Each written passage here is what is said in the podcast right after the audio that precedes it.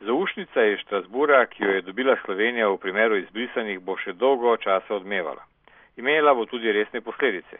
In vse to zgolj zaradi tropa poniglavih in neodgovornih politikov, ki so si zamaskirani s krinkami demokratično izbranih borcev za človekove pravice pred dvema desetletjama najprej izmislili načrt o tihem administrativnem etničnem čiščenju, ga na to v največji tajnosti izvedli, na to pa vse do danes krčevito branili svoje katastrofalne napake v imenu patriotizma in ostalih domoljubnih floskul.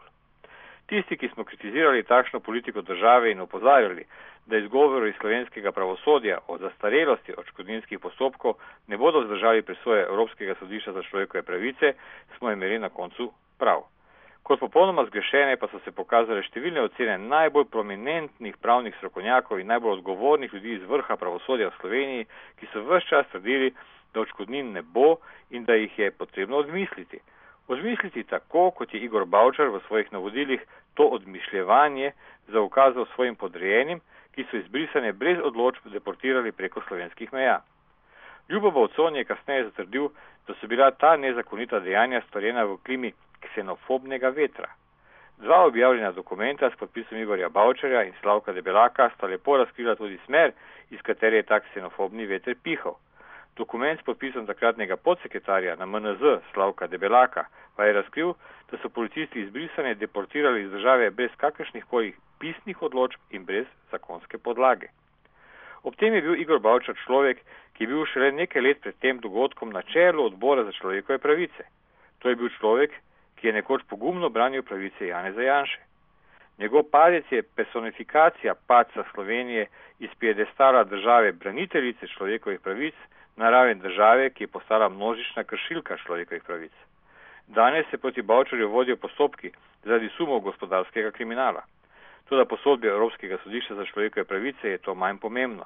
Kajti danes je povsem jasno, da se je Bavčarjevo prelomno kriminalno dejanje, ki ga je izvedel kot notranji minister, zgodilo prav na področju človekovih pravic, torej tam, kjer bi Bavčar moral biti prav največji varuh in zaščitnik vseh državljanov in prebivalcev Slovenije.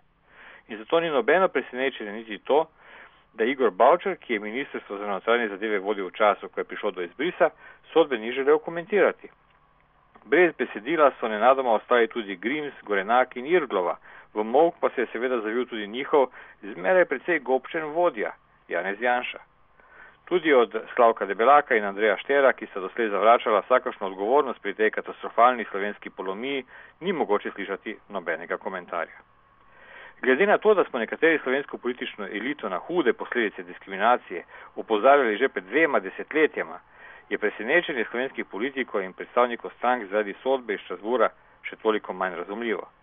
Minister Radoslav Žerjav je tako na primer javno spomnil, da se je do zdaj zagotavljalo, da očkodnin ne bo, ker da jih ne more biti in da so se vsi postopki vodili tako, kot so se, ravno zaradi takšnega zagotavljanja.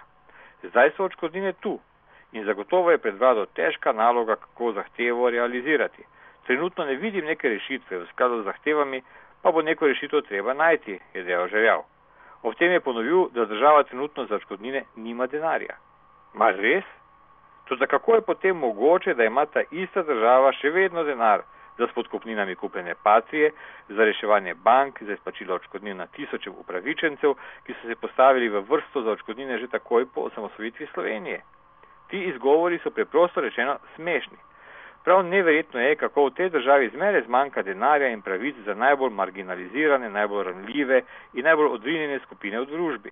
To so enkrat študentje, drugič brezposelni, tretjič delavci, vsa ta veriga domin pa se je začela podirati z najbolj pripravnimi žrtvami, ljudmi, ki so bili označeni kot agresori in izdajalci, čeprav je bilo njihovo edino kaznivo dejanje, njihova želja, da bi tudi v novi državi živeli še naprej enako mirno kot v stari.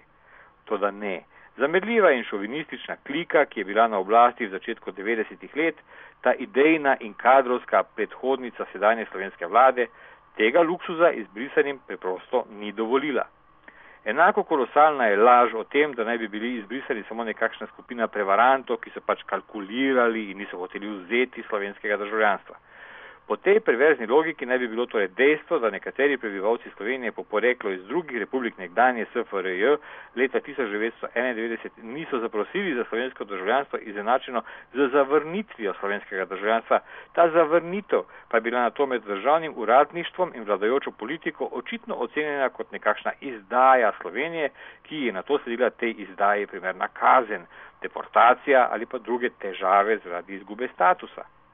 Strajanje pri njihovem dotedanje državljanstvo so zamerljivi državni uradniki razumeli kot odkrito nasprotovanje osamosvojitvi Slovenije. Zato so vse prebivalci iz drugih držav nekdanje Jugoslavije, ki niso zaprosili za novo slovensko državljanstvo, preko noči preprosto izbrisali. Na to so te ljudi iskali v uličnih racijah ter jih deportirali iz države. Kljub temu, da so imeli v Sloveniji družine, otroke, lastnino in delo. Zato je bilo ravnanje državnih uradnikov in politikov v Sloveniji ne samo protiustavno, pač pa tudi šovinistično in nečloveško.